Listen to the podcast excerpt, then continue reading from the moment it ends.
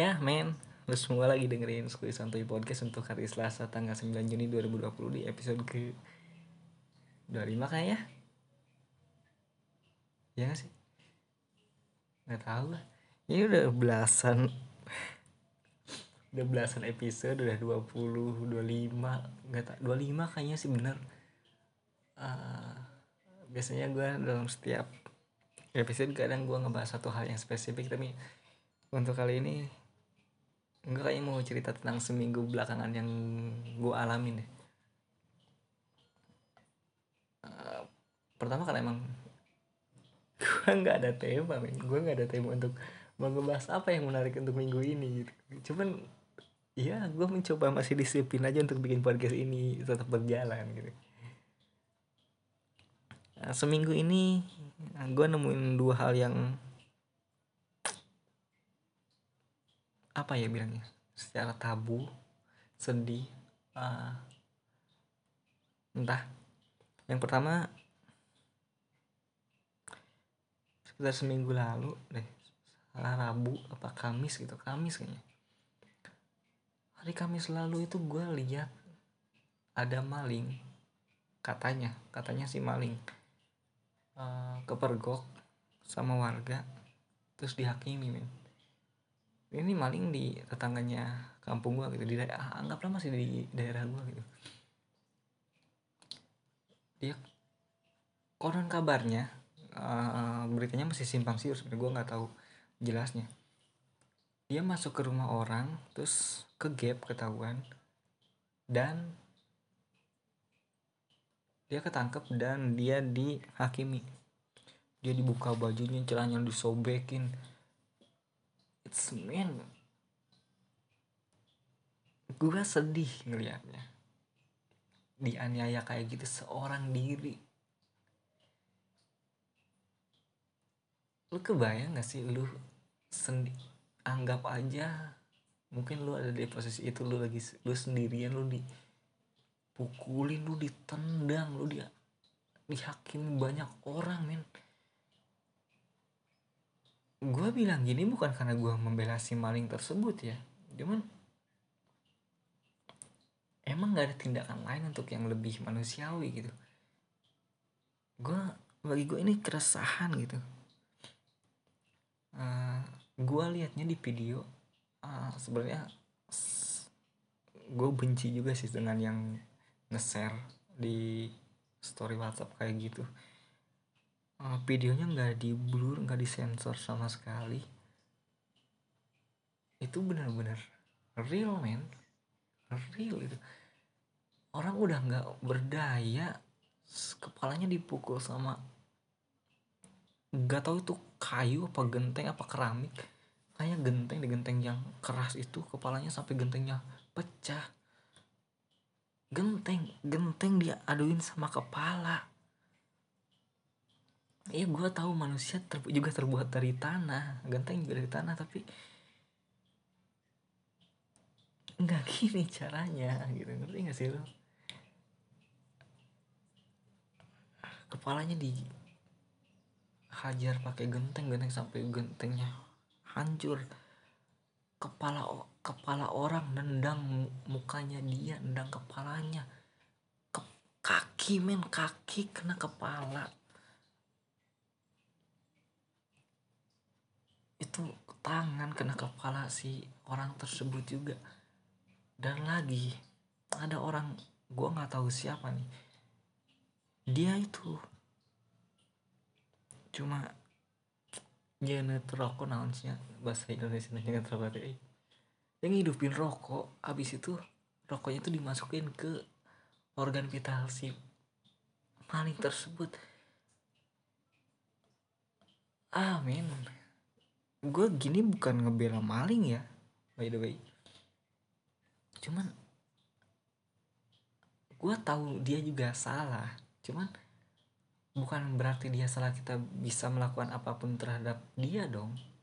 Bukan berarti kita benar kita bisa melakukan apa pun terhadap yang salah. Kita bicara tentang kemanusiaan deh itu nggak manusiawi banget. Gue tahu dia salah. Cuman dengan tindakan lu yang menganiaya dia menghakimi dia kayak gitu apa emang lu bener? Enggak kan? Lu juga tetap salah. Lu inget gak sih tahun 2000 berapa ya? 18 atau 17 atau beberapa bulan lalu gue lupa. Kasusnya orang yang diduga mencuri amplimeter di musola yang di Babelan Bekasi kalau nggak salah orang yang menganiayanya. Itu dihukum pidana juga main 12 tahun sih itu itu yang di di Bekasi itu kalau nggak salah dibakar itu orangnya. Yang di, di, diduga dituduh mencuri amplimeter musola. Yang menghakimi juga di penjara.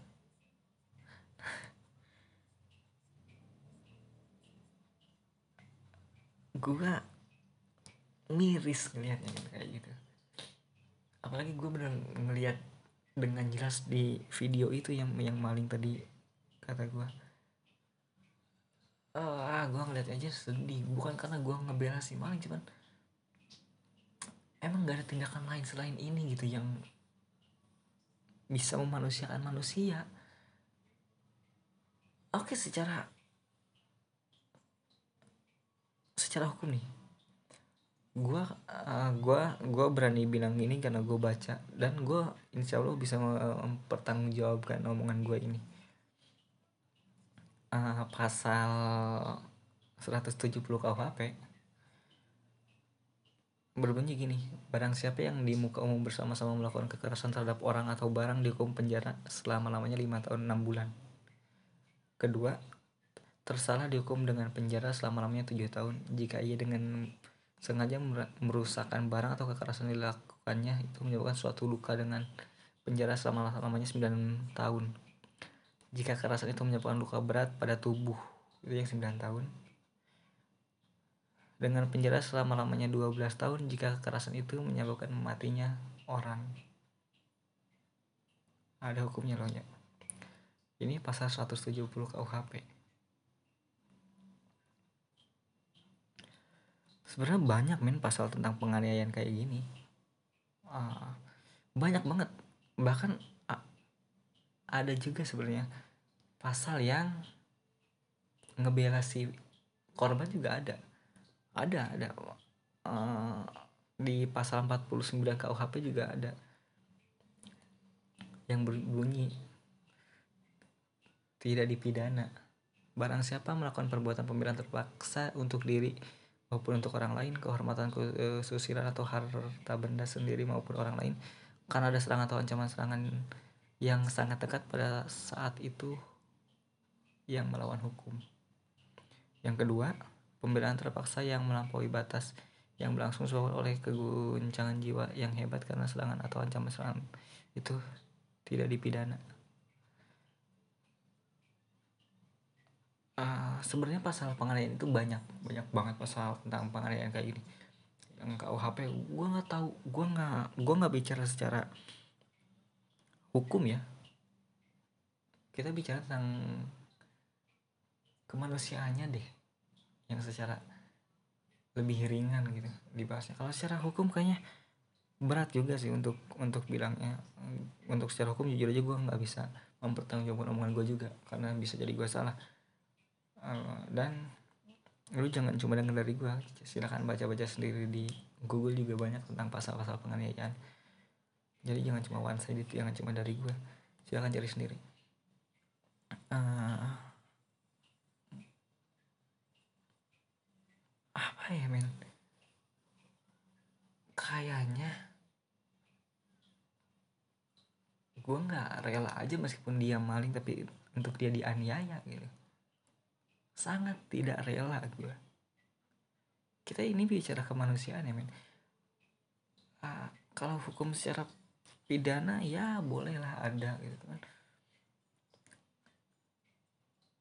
Tentang kayaknya bisa ada hukuman sosial lain deh yang bisa menyebabkan mungkin lebih jerak juga.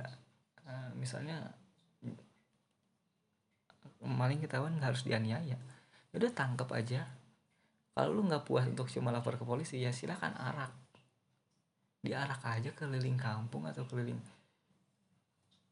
kampung sih lebih lebih sedikit kan. Untuk jangan keliling daerah kebanyakan kelamaan juga gitu. Itu hukuman sosial nggak harus menganiaya. Tapi itu menurut gue juga bakal bikin jerah terus untuk lo yang mikir ya tapi kan kalau kita nggak menghakimi dia kalau kita cuma diem aja kayak gini dia nggak bakal jerah si maling tersebut. Ya lu silahkan berpikir kayak gitu cuman gue tahu lu bener mikir kayak gitu cuman lu untuk menghakimi dia apa emang lu bener? Nggak juga. Nggak juga kan? Terus lu pernah mikir nggak dia itu ngelakuin itu karena apa? Pasti karena terdesak ekonomi mungkin untuk karena keluarganya butuh uang dia butuh uang keluarganya butuh makan. Mungkin ada istri anaknya di rumah yang nunggu dia pulang itu bawa uang. Si orang rumahnya istrinya atau anaknya mungkin tidak tahu si suaminya itu ngelakuin kerja apa yang penting ke rumah bawa uang gue tanya sama lu kalau lu ada di posisi si maling tersebut lu emang rela lu di, dipukulin kayak gitu lu dihakimi kayak gitu? Jangan jangankan lu deh anggap aja saudara lu yang kayak gitu. Kalau misalnya gue analogikan itu sebagai bapak lu yang maling lu juga nggak bakal nggak bakal rela. Saudara lu deh yang lu nggak deket banget cuman lu masih ada ikatan saudara lu rela nggak? Saudara lu misalnya di ketahuan maling terus dihakimi dianiaya lu rela nggak? Jawabannya pasti enggak lu sangat enggak rela pasti. Pasti dia juga mikirnya bahwa kan masih ada hukuman yang lain gak harus dianiaya masih ada tindak sosial yang lain gitu. Iya. Kalau lu berpikir kalau misalnya itu keluarga lu lu juga nggak bakal rela kan lu kenapa terhadap orang lain yang lu nggak kenal lu bebas ngelakuin itu?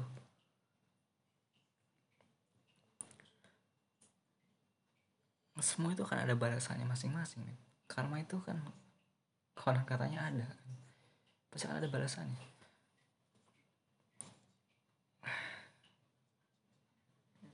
Kalau ngomongin emang secara hukum berat sih. Gue aja gue nggak bisa bilang banyak. Cuma secara kemanusiaan nggak ada yang benar di sini. Yang hakimi yang mengenai salah yang mencuri juga salah. Bahkan yang nge-share video itu di muka umum juga salah menurut gue sangat salah. Udah kita stop dulu sampai di situ. Stop aja dulu. Stop dulu kira kita tutup sampai di situ. Gue mau ngebahas yang kedua ah, hari apa? Hari uh, hari sab hari minggu kalau salah. Hari minggu gue uh, melakukan pekerjaan yang gue senangin. Gue ya, ya balik lagi jadi tukang foto gitu. Gue foto temen gue yang nikah. Nikah ya akan nikah di tengah pandemi kayak gini ya nggak apa-apa lah menyenangkan banget menjadi tukang foto itu. Bukan menjadi tukang fotonya ya tapi karena gue tahu passion gue kayaknya di sini deh dari semenjak suka foto itu karena gue ngeliat kakak kakak gue dia juga fotografi fotografer dia. Gue kadang-kadang lihat dia terus gue juga mulai-mulai moto pakai HP pakai digital kamera. Bahkan gue punya kamera analog yang masih pakai klise. Gue punya tuh saking gue masih sukanya foto. Gue tahu passion gue di sini gitu. Terus ketika teman gue minta tolong dong fotoin. Nah, kata gue gue nggak ada kamera. Lo kalau mau uh, hubung ke gue aja kata gue terus dia nggak mau uh, entah dengan alasan apa cuman dia maunya gue oke. okay, gue sama sekali tidak minta bayaran sepeser pun tidak. Karena gue tahu ini passion gue men. Gue mau ngebantu temen. Uh, kalau lu lagi kesusahan siapa lagi sih kalau bukan temen lu yang bisa ngebantu gitu? Gue tuh ya, ya kayak gitu. Gue ingin membanyak korelasi gue terhadap rahasia ya gue ingin mem- memperbanyak hubungan pertemanan gue gitu semua orang. Sengaja kalau gue lagi yang lagi kesusahan boleh lah gue ganti minta bantuan gitu. Jadi tukang foto ketika acara yang nikah itu oh, sangat menyenangkan. Bagi gue sangat menyenangkan. Pertama eh gue gue nggak gue nggak tahu kenapa ya. Gue tuh selalu seneng ngeliat orang ketika di make up. Pas orang make up gue foto. Kalau emang hasilnya bagus itu sebuah nilai tersendiri. Ya kepuasan batin bagi gue sendiri men. Sangat puas. Kedua gue itu seneng ketika ada yang akad gue moto atau videoin dia di tengah-tengah itu ya di tengah ada penghulu ada saksi ada si mempelai wanita laki-laki dan ada gue di situ. Gue gue siapa min? Gue gue siapa di tengah-tengah itu? Gue cuma pegang kamera gue moto udah. Tapi gue seneng banget. Gue beberapa kali ada di acara akad orang kayak gitu. Secara jujur hati gue bergetar ketika gue dengar akad saya terima nikah dan kawinnya. Anu binti ini dibayar tunai ketika orang lain bilang sah. Secara jujur hati gue bergetar. Amin.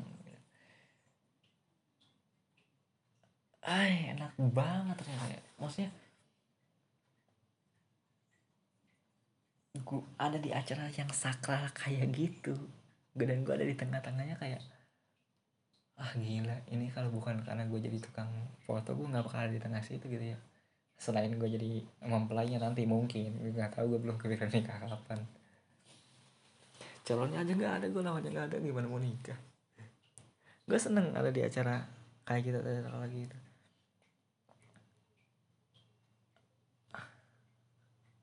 dan sampai gue nge-record ini gue itu nggak minta bayar sepeser pun ke temen gue karena secara jujur gue niatnya ngebantu.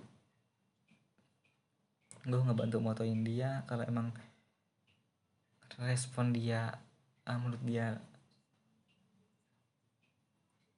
hasilnya memuaskan bagi dia ya itu sebuah kepuasan batin tersendiri bagi gue tapi kalaupun menurut dia kurang memuaskan atau tidak sangat tidak memuaskan ya gue terima itu gue sangat terima toh toh gue juga masih belajar fotografi. Gue masih belajar tentang angle-nya. Gue masih belajar tentang ya teknik-teknik dasar fotografi itu gue masih sangat belajar. Gue masih sangat awam. Cuma kadang-kadang gue nggak tidak tidak memperdulikan terhadap teori atau teknik sih. Menurut gue yang yang menurut gue bagus gue foto ambil jepret udah. Gue kebiasaan di analog kamera sih gue megang SLR itu kayak canggung karena SLR atau digital itu lu bisa beberapa kali moto untuk hasil satu foto aja yang lu sortir akan yang bagus menurut gue biasa di analog analog itu first impression gitu. Jadi apa yang lu lihat pertama itu yang lu dapat. Karena analognya nggak bisa dilihat harus dicuci dulu kan nah, gue bisa kayak gitu dan. Setelah itu setelah gue moto setelah be- beres uh, gue mulai ngedit ngedit fotonya. Uh, dan ngedit fotonya itu nggak gas gas gas sebentar men. jadi fotonya satu foto aja gue bisa 20 sampai 30 menit untuk untuk apa ya efek tune atau sejenis itulah. Apa, apa sih namanya yang tune sih menurut gue tune warnanya yang menurut gue ah ini cocok nih karena ngeditnya sesuai mood. Dan ini ngedit foto itu bukan hal yang mudah. Gue tahu ini passion gue gitu. Cuman gue untuk hal ini gue belum disiplin. Disiplin itu ya men ya. Apa yang lu nggak sukain tapi lu harus ngerjain itu. Itu namanya disiplin. Nah gue masalah untuk ngedit foto kayak gue belum disiplin. Gue kadang bikin podcast ini aja nih. Kadang-kadang gue masih belum disiplin. Kadang-kadang ah gue kadang dalam pikiran gue yang nggak usah bikin dulu lah tapi gue ingat sama omongan gue di awal gue ingin disiplin itu gue ingin secara konsisten bikin ini upload setiap minggu. Apa pun yang gue bahas kadang nggak ada isinya kadang ada isinya kayak kadang kesampah kadang berpuluh-puluh menit juga isinya nggak ada isinya gitu kan. Ah. Gue cukup sadar bahwa nggak semua karya bisa mengha- bisa bikin kaya. Nggak semua karya bisa bikin kaya. Lakuin aja dulu nih Ah, meski tanpa ada uangnya ya lakuin aja. Eh, nyari deh lu nyari passion lu apa yang menurut lu seneng.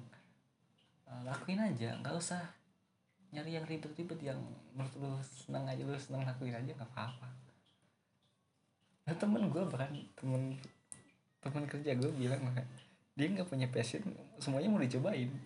Dia melihara kelinci dia melihara mau melihara ikan dia bahkan mau beli gitar mau untuk nyanyi nyanyi gitu. Kata gue bagus banget. Untuk nyari passion sampai segitunya padahal kata gue cari aja dulu yang dekat yang dekat dengan lu. Asal lu disiplin lu kalau nggak mau disiplin kan yang tadi kata gue bilang saat lu nggak mau ngelakuin tapi lu harus ngelakuin itu namanya disiplin. Sampai nanti bisa terbentuk sampai nanti terbiasa itu disiplin.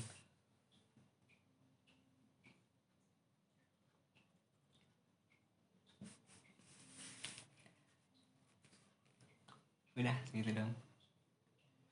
Eh, nanti sama-sama nyari passion kita. Jangan jauh-jauh lu kerjain aja apa yang lu seneng lakuin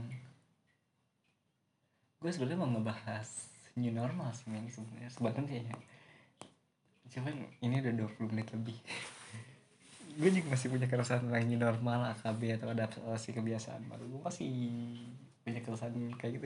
Terus sampai gue record ini hari Selasa pun gue lihat di postingan siapa ya? Ridwan Kamil nggak salah. New normalnya tapi masih ada pasar yang tutup tiga pasar tutup